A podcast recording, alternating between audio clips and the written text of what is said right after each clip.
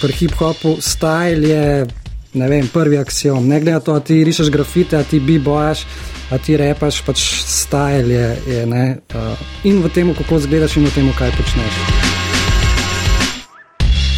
V prejšnji epizodi radijske serije o hip-hopu smo predstavili njegove začetke. Letos namreč praznujemo 50 let enkratne kulture, ki so jo močno zaznamovali glasbeni producenti. V drugem delu se bomo posvetili prav njim, hkrati pa secirali komade, plesali breakdance, DJ-ali ter končali z modo. Vsi ti elementi so, kot boste slišali, močno prepleteni. V njih se pogovarjam s Hugom Smehom, Simonom Stojkom Falkom, Miho Blažičem, Maretom Gdnjavcem Džizo, Matjažem Ambrožičem Ambrom in Borjo Močnikom Borko. Začnimo s producenti v reperskem svetu je producer un, ki naredi bit, ne un, ki ja, vse dela. Ne, in ki zbere ekipo. Ja. Um, in, in so čist zamenjali tudi te terminološko, tako da se kdaj pogovarjaš s producenti in pol te en gleda. Ampak to ni producent, to je bitmaker, ja, ampak v hip-hopu je. Ne? Hip-hopu gre to samo še čez nek master, ne? um, tako da so to čist druge stvari. Pol, ja. Obiskala sem producenta Huga Smeha z umetniškim imenom Hugh, ki svojo logo razume drugače. Korak za korakom pa nas bo vodil tudi skozi snovanje masajne skladbe Ni panike. Sem Hugo Smeh, avtorsko uh, grem kot Hugh, ukvarjam se s produkcijo, uh, zvočnim inženiringom producent v hip-hopu se, se mi zdi, jaz bi rekel tako, no, vsaj zadnjih par deset let uh, nekako zamešal z uh, nazivom beatmakerja. Se mi zdi, da se v hip-hopu bolj prepusti izvajalcu, da dokonča potem, ko je narejen instrumental sam do konca komad in ni pol več neke te produkcije v originalu, produkcijske, torej usmerjanja artista nekaj tega dotika ni no več, ampak se še vedno kličemo za producente. No, mislim, sej, tudi jaz se rad utikam v svoje artiste, tako da bi lahko rekel, da uh, imam še vedno neko to producentsko žilco v hip-hopu. No. Ponovadi v bistvu vsak producent oziroma beatmaker ima zihar v bistvu neko zalogo instrumentalov in to potem se pošilja v krog, če naprimer naredim kakšen instrumental, ker že jaz vem, da bi naprimer sedel določenemu artistu, ga pošljem kar direkt, če ne pa pač imam svoj neko mapo, kjer imam 100 in 100 teh instrumentalov in pol pač gledamo lahko to. Ena opcija, druga je, da gremo čisto iz nule delati, rečemo, gremo narediti neki tasga ali pa nek tak vibe, ne vem, gremo neki narediti full z velike energije ali pa neko depro ali karkoli. Tretje pa, da artist sicer pri hip-hopu to mal manj, ampak se zna zgoditi, da pride že z nekimi lirikami ali pa akordi, če kaj uh, je instrumentalen, če zna kakšen inštrument igrati, artist, pa se pol iz tega razvija, tako da je že neka osnova songwriterska, pa se pol naredi inženiring, pa soundscape, pa vse. Ker so ratale računalniki nekako bolj dostopni, je bilo full govora o tem, kako lahko vse začneš, ali pa eni so kontrirali temu, v, kako se lahko cela muska naredi znotraj računalnika. In ja, prek teh zadnjih 20 let je to pač prišlo do 100% realnosti, zdaj tak se nič več ne dela v hip-hopu, vsajno ne rabiš, bom rekel, da se ne dela, ne rab se delati izven računalnika, kar je rata ful dostopno in ful velik ljudi tudi zdaj zaradi tega posledično lahko dela musko. In s tem se tudi, se mi zdi, da spreminja vsebinsko muska, ker lahko nekdo čist brez znanja začne delati musko in bojo delo najbrž, mislim, menim, da na nek čist drugačen način, kot nekdo, ki ima že neke osnove iz neke druge, pa ima že nek funnel, če se lahko tako izrazim, postavljen, kako se muska ne bi delala, za razliko od nekoga, ki pride noter čist s praznim papirjem. Mhm. Naprimer, da bi prišel zdaj en artist, hmen, pa bi začela od nule. Prvo bi jaz najdel nek sample, jaz veliko stvari, oziroma več kot 90% mojega dela je samplan, če ne zdaj z dobesednim samplom, torej sample je neka osnova ali lahko je nek drug uh, komad, ki že uh, obstaja, lahko je samo nek inštrument, ki ga najdeš kjerkoli na internetu ali pa iz vinilk, to je bolj specifično za star hip-hop vzamem to osnovo, najdeva z artistom ponovadi nekaj, kar obema paše, torej da sva že oba iz začetka na neki pravi poti in pol začnem prvo ponovadi delati neko osnovo ritma pa basa okrog sempla, da rata čist, čisto okostje nekak končnega produkta. In ker to dela, potem ponovadi med, od, tak, od takrat naprej začne artist pisati svoj tekst ali začeti razmišljati o kakšnih melodijah za refrene ali kakorkoli. Jaz pa medtem v bistvu nekako dodelujem sample, originalen, torej vzorc z nekimi svojimi inštrumenti, lahko jih spreminjam, lahko kakorkoli, v bistvu karkoli uh, komad rapno. In pa se v bistvu večino časa zgodi, da na koncu tega sampla sploh ni več v komadu. Vzameš samo za osnovo, da vidiš, kaj je obema uh, všeč, in pol v bistvu na koncu rata nek čist drug X produkt, ki je še vedno všeč in meni in artistu. Torej, v praksi, to je zdaj tukaj imam zraven, uh, ni panike pred miksom od Masaje. Ta instrumental je ratu iz enega izmed uh, instrumentalov iz te moje zaloge. Je vršla enkrat Masaja sem, sva se dobila, sem ji pokazal to, je bilo ful všeč, sem rekel, da ga bom dodelil mal, ker jaz ponovadi sploh ne razvijam instrumentalov iz nekega desetsekundnega lupa, dokler ni nekomu všeč, pa pa se razvije. Pač tako, če, lej, če ti teh deset sekund ni všeč, ti pač ne bo všeč komad. Če pa je, kot je bilo v tem primeru, se pa razvije nek aranžma osnoven, ki je v bistvu obema bilo zmazajo všeč. Tako da se stavlja neki na hiter, potem je pa v bistvu ona ta komad posnela sama doma. Nisva tukaj premesnjala, sem jaz to poslal, je posnela vse, mi poslala nazaj. Potem, kot sem rekel, je šel isto komad v edit. Ta edit je bil na tem komadu ogromen, se je spremenil, pa dodal še, uf, bi rekel, kar za petkrat tok, kot je bil osnoven instrumental. Vključno pol smo šli tudi snemati saksofon, na saj smo poklicali še dve backvokalistki, Arijano pa um, Aniko. Se je začelo v bistvu sam s tem. To je bil, se mi zdi, da sploh še ni bilo bobnov na tem prvem instrumentalu, ki sem jih pokazal. In je, to, in je začela iz prve brundati uh, refren, in so rekla, da ja, okay, je to v redu. Nekako nekak to je bilo za začetek. Še mi zdi, da je celo brez te solo kitare. Pol pa, ko smo šla delati teh bobnov, hip-hoperskih, uh, traperskih bobnov še ni bilo na, na začetku, če se prav spomnim, klavirja tudi ne, violin nič, trobent nič. Um, je bilo nekako to, je bil, ne, nekak to je bila osnova, iz katere sva rekla, da bova šla delati tako malo. Pa sem dobil vokale, če lahko zdaj prepelamo saj nazaj. Nič ne zadosti. Mm.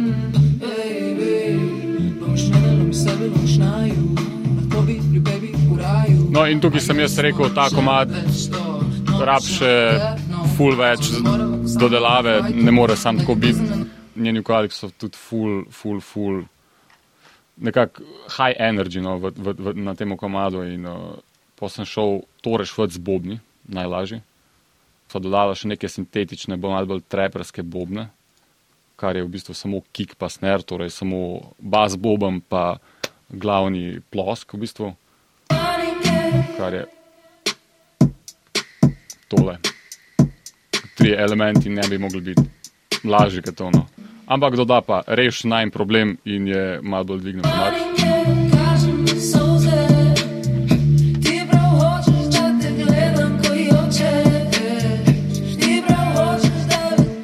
Masa je tudi posnela med drugim ogromen vokalov. Ta komad bi jaz tudi klasificiral kot nek miks med popom in hip-hopom, samo zaradi stila, kako so vokali posneti, koliko je v bistvu um, vokalov enega na drugega, koliko se prepletajo. Tukaj v tem primeru imamo sedem linij refrena, pa še ene sedem linij back vokalov pa še potem dve dodatni pevki, ki sem jih prej omenil za back vokale, tako da je čisti pop, kar se tiče iz tega. No. Muska sama po sebi pa hip-hop. Popa ja, popa potem so še dodala razne inštrumente, kot klavir, pa neke v ozadju inštrumente, tole, bas je že bil, kitare smo snemali še dodatne. Tele akustične bobne, ki so bliže originalu, sem tudi še dupliciral to bi tudi rekel vsakmu, ki se, um, ki se je mogoče tudi začel ukvarjati z glasbo ali pa instrumentali ali kaj, ne vas ne bo strah sam dodajati stvari. Uh, vedno se da zbrisati, če ni fajn. V tem primeru, naprimer, imam jaz štir različne lere različnih akustičnih bobnov in dela. Vem, da to mogoče ful ne bi bilo všeč kakšnim uh, bolj ortodoksnim producentom, uh, ker je ponovadi fajn imeti en zvok bobnov, uh, vsaj za glavno, uh, kar sem jaz skle čist ignoriral. ampak je dela. Tudi bil sem pripravljen brisati ven, ampak če dela, dela. Če se, če se dobro sliši, se dobro sliši. Imamo kle ena, sam glavne bobne, tele neke perkusije v zadnji, še neke african style perkusije pa še pol neke jazz, samo uh, braše. In skupaj dela, tako da nisem brisal, je bilo fajn na koncu, smo pa uporabljali to v bistvu v končnem produktu. Uh, kar smo pa dodali, so še neke violine v zadnji, ki v miksu se mi zdi, da sploh niso prišle ven. Ja, to se mi zdi, da sem čist potisnil v ozadje v miksu, ampak sem pustil kot bi rekel, lahko bi, lahko bi izbrisal, ampak uh, je, bilo, je bilo fajn v ozadju. To je pa to, kar se tiče. Vse hip-hop je dost enostaven žanr, bi jaz rekel, eh, manj se komplicira, boljše ponavadi. Če dela osnova, bo delal uh, večino stvari, ki jih daš pol v ozadje. Tako da klej v tem primeru bobni, v hip-hopu mora biti bobni čisto spredi, če to ne dela, ne bo delal nič. Bas, tudi v tem primeru dela te dve stvari v bistvu skupaj, pol prijeta nekako do izraza. Pa ja, masaja, pa pa vse ostalo um, se da v ozadju. Tako, da, tudi, tako je nekako potekala produkcija tega komada. Če bi odprl miks, je pa še tam tudi ene velike stvari, se mi zdi, ki nekako pridejo v miksu noter, ki se jih ne dela v editu ali pa med produkcijo. Vsaj jaz rad gledam, no, vsaj kar se tiče hip-hopa, tudi miks kot nek kreativni proces, za razliko se mi zdi, da se ponovadi miks bolj gleda kot nek tehnični aspekt delanja muske. Kot sem rekel, v miksu se samo polepšava vsak element komada posebej, ampak jaz si tudi rad tam pustim malo odprto, bolj domišljijo, pa še tam kaj dodam noter ali pa neke čudne stvari ali pa kakorkoli no, pride in v tem primeru, v tem komadu se, se, se, se je to kar dogajalo tam. Tako Hugo Smeh od producentskih taktirk pa se selimo na širše prizorišče hip-hopa. Živijo, jaz sem Simon Stoko Falk, sem hip-hoper od, bom rekel, srede 80-ih let. Kasneje sem se začel ukvarjati eh, z DJ-jem, torej eh, bolj eh, ta hip-hop smer, kot kar skrečanje in uh, spuščanje podlag.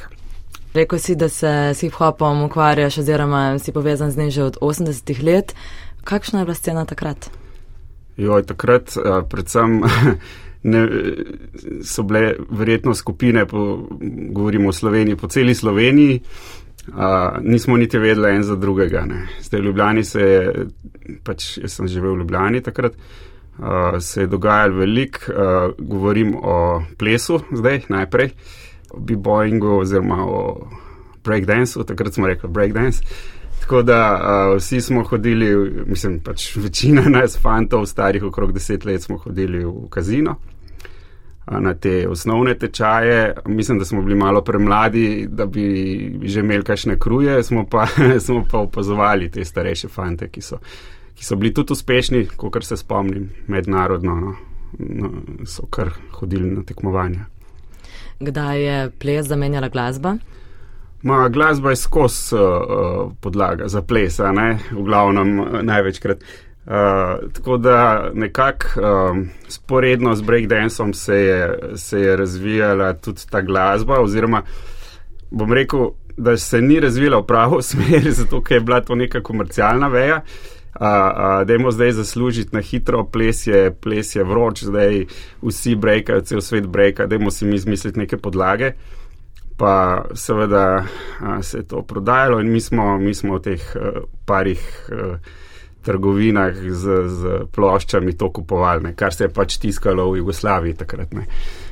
Drugače pa vsi vemo, da pravi B-Boeing, da to so v bistvu breaki iz nekih komadov, uh, originalnih fan komadov in v glavnem še zdaj uh, na tekmovanjih to pač uh, prakticirajo. Tako da tisto, kar smo pa mi kupovali, no, ne se je bilo tudi kaj zanimivega vmes, ne, ampak v glavnem je bila to neka, neka dance verzija, no, pač komercijala, um, elektro in tako naprej. Poznamo te večinoma v vlogi DJ-ja, okay. a lahko predstaviš, kaj dela DJ v hip-hopu? Mm. Nekako se povezuje s plesom in z repom, ne, bom rekel tako. Pri reperjih ponovadi pač rep se začel z, verjetno z bendom. Ne. Potem uh, bomo rekli, ta prav rep, rep, ne, to sem mislil na disko sceno najprej. Ta prav hip-hop oziroma rep v hip-hopu se je začel um, z DJ-jem. In DJ je spuščal podlago, ponavadi uh, iz, uh, iz nekih originalov, to pomeni, da je imel uh, označeno na plošči točno, kje je ta break in, in ti breki so bili zelo kratki, recimo 10-15 sekund, in polje eh, z kopijo te ta iste plošče uh, v bistvu manipuliral in ponavljal toliko časa, kot je pač rabo ne, za komat. Ne. Tako so počeli pionirji, tako se še nekako zdaj počne, sploh pri breakdanceu, uh, pri b-boju, boingu. Um, Se iščejo ti breki in se jih ponavlja na nedogled, oziroma dokler se pač ne zamenja um, podlaga in seveda tudi skrečanje, katanje nekih fraz, zvokov, efektov, temu se pravi scratching. In iz tega je, eh, bom rekel, od 80-ih let do zdaj nastala mm, cela mala znanost. Ne. Različni stili, različna imena za te skreče, potege, eh, rok, pozicije in tako naprej. To je pač element DJ-ja oziroma veja hip-hop DJ-ja, tudi scratching. Ne. Nekateri vrtijo glasbo, nekateri se ukvarjajo malo bolj z skrečanjem in um, puščanjem efektov in tako naprej v skupinah ali pa tudi solo. Ne. Na kakšen način DJ-ješ ti trenutno? Trenutno, oziroma že kar dolgo, bom rekel, od začetka mi je, mi je bilo v prvi vrsti pomembno sodelovati v bendu oziroma pri nekem reperju kot uh, scratch DJ oziroma za spuščanje podlag in, in, um, in izvajanje efektov in tako naprej. Ne. Poleg tega, kaj slišimo, pa je pomembno tudi, kaj vidimo. Tudi stil oblačenja je ključen del hip-hop kulture. Ja, široke hlače, ne, se v bistvu. Več, ja. Reperi so zmeri bili drugačni. Na začetku so reperi izgledali kot neki punksi, ne? če zdaj gledamo Grandmaster Flash v ledru, potem so še na te široke hlače. Ja, prvi so bili, ki so. Mad Max stari. Ja, ja. Prvi so bili, ki so v bistvu delali brende. Ne? Oni so bili za vso to muziko so bili oni prvi ljudje, ki so dejansko ti si vedel, kako, ne, pri punksih si približno vedel, ne, ampak so eni še to skrivali, reperi so imeli pa ne vem, svoje firme, Depper Den, ne, ampak to niso bile globalne tvrdke, oni so najdel svoje male New Yorkske in tako in se v to oblačili, ne, in bili pol, ne, in široki in njihovo bistvo je bilo, da je vsak sicer spadal v ta stil, ampak bil pa drugačen. Slikrik je zdaj pač ukičen za vsem. Eni ljudje pač imajo to, drugi ljudje imajo ekstremne bege, zdaj pač se je to valjda spremenil. Jaz mislim, da se je najbolj širil točno to kulturo. Ne, to pomeni, ker sem jaz prišel v New York, so meni vsi rekli, hej, mi smo se med sabo prepoznali, čeprav nismo bili iz istega dela kvarta. Ne, oni so se po oblekah, po teh um, bolj širokih, po teh drugačnih oblekah, um, v puhovkah in to, ne, pač neko svojo modno, estetsko vrednost so imeli od katere niso odostali, čeprav mogoče en za drugega niso vedeli, in potem so se počasi začeli združevati. Ne. Kar pride do ekstremov. Ne. Moj prvi New York je bil, da smo šli v šlapah ven, to je bilo leta 2000 na Grand, Mister, Grand Wizard Theodorja, ki je skrečer in redar nas je gledal, pač kaj vi delate v šlapkah tle, ne. pa predemo not, pa niti enega ni bilo noter, ampak še zmeraj nas oni hotel spustiti v šlap, ne, še zmeraj je ta nek, a veš, dress code je obstal in preko mode se je glasba, po mojem, najbolj širila, ne pa seveda preko teh DJ-jev, ki so iskali te. Um, in izven medijev, kar, kar je bilo zelo pomembno, po mojem, ne, da je bil tudi vsak drugačen, ker če ti prideš v medije, te oni malo kalupijo. Ne. Tako so tudi te mode nastajale, enkrat sem to prav raziskoval. Queens je imel mal drugače od Bronxa, Bronx je imel spet Manhattan, so bili kao, aha, ti so pa že mal bogataški, Brooklyn je imel mal druge. Ne. Vsi so imeli neke male stvari, ki so se pol s popularizacijo pa mal bolj uniformirale. pač stil. Pri hip-hopu stil je ne vem, prvi axiom. Ne glede na to, ti rišeš grafite, ti bi bojaš, a ti repaš, pač stil je. je uh, in v tem, kako zgledaš, in v tem, kaj počneš. Ne? Razvijaš. Seveda, ne vem, B-boji so imeli večinoma vsi Adidas ali pa Puma superge, ampak pol je pa vsak malo drugačen, ne vem, recimo vezalke si uh, gordov, pa, ali pa je malo drugačen, kengu kapo nosu ali pa ne. Torej, nek oseben izraz, oseben stil znotraj pač te neke kulture. Ne. Mihi Blažiču Antoku pa moda ni veliko pomenila. To vrstna oblačila in obuto pri nas včasih niso bila dostopna, saj ne za tanke denarnice nekih brendov dejansko tle se ni dalo kupiti, lahko si naročil ne, iz tujine, pa je bilo mega drago. Uh, tako da v bistvu si, si samo kupil ful preveliko cifro kavbojk, pa ful preveliko majice in pa to nosil in je ful smešno zgledal, ker ni ta kroj, ne, da bi se tako nosilo. Ampak v glavnem smo, ja, tako smo se oblačili in takrat valjda, pač v srednji šoli ti je to ful pomembno. Uh, Pol pa v bistvu sem itak že malo alternativ cratov, pa še druge glasbene zvrsti poslušal in tako, uh, ko so prišli ti brendi v Slovenijo in ko smo te prve štacune dobili, uh, ko so tudi prav pač hip-hop cune uh, prodajale, je meni bilo to ful predrogo in se mi je zdelo to ful šminkarsko in takrat začetek 2000 tih je tudi se mogoče že ta razkol v hip-hopu precej naredil, ne, kaj je pač tako bolj mainstreamovsko R&B, MTV in tako naprej in kaj je bolj street ali pa underground background. Tako da tisti, ki smo bolj na, na ta drugo vejo prisega, smo pa malo blitko. Um, smo se posmehovali v bistvu tej modi. In tudi tako, če pogledaš, večina uh, reperjev, ki smo iz tistega obdobja nekako prišli ven, no, če bi gledal vizualno, nihče v bistvu se ne oblači kot reper, pač stereotip. Zelo, zelo malo nas je. Miha Blažič se mi pridruži tudi v naslednjem, tretji epizodi. Seveda bo z nami tudi že znana Sveta Trojica, Džiza, Borka in Ambro. Iz svetovnega podija se bomo selili v domače hip-hop loge. Thank you.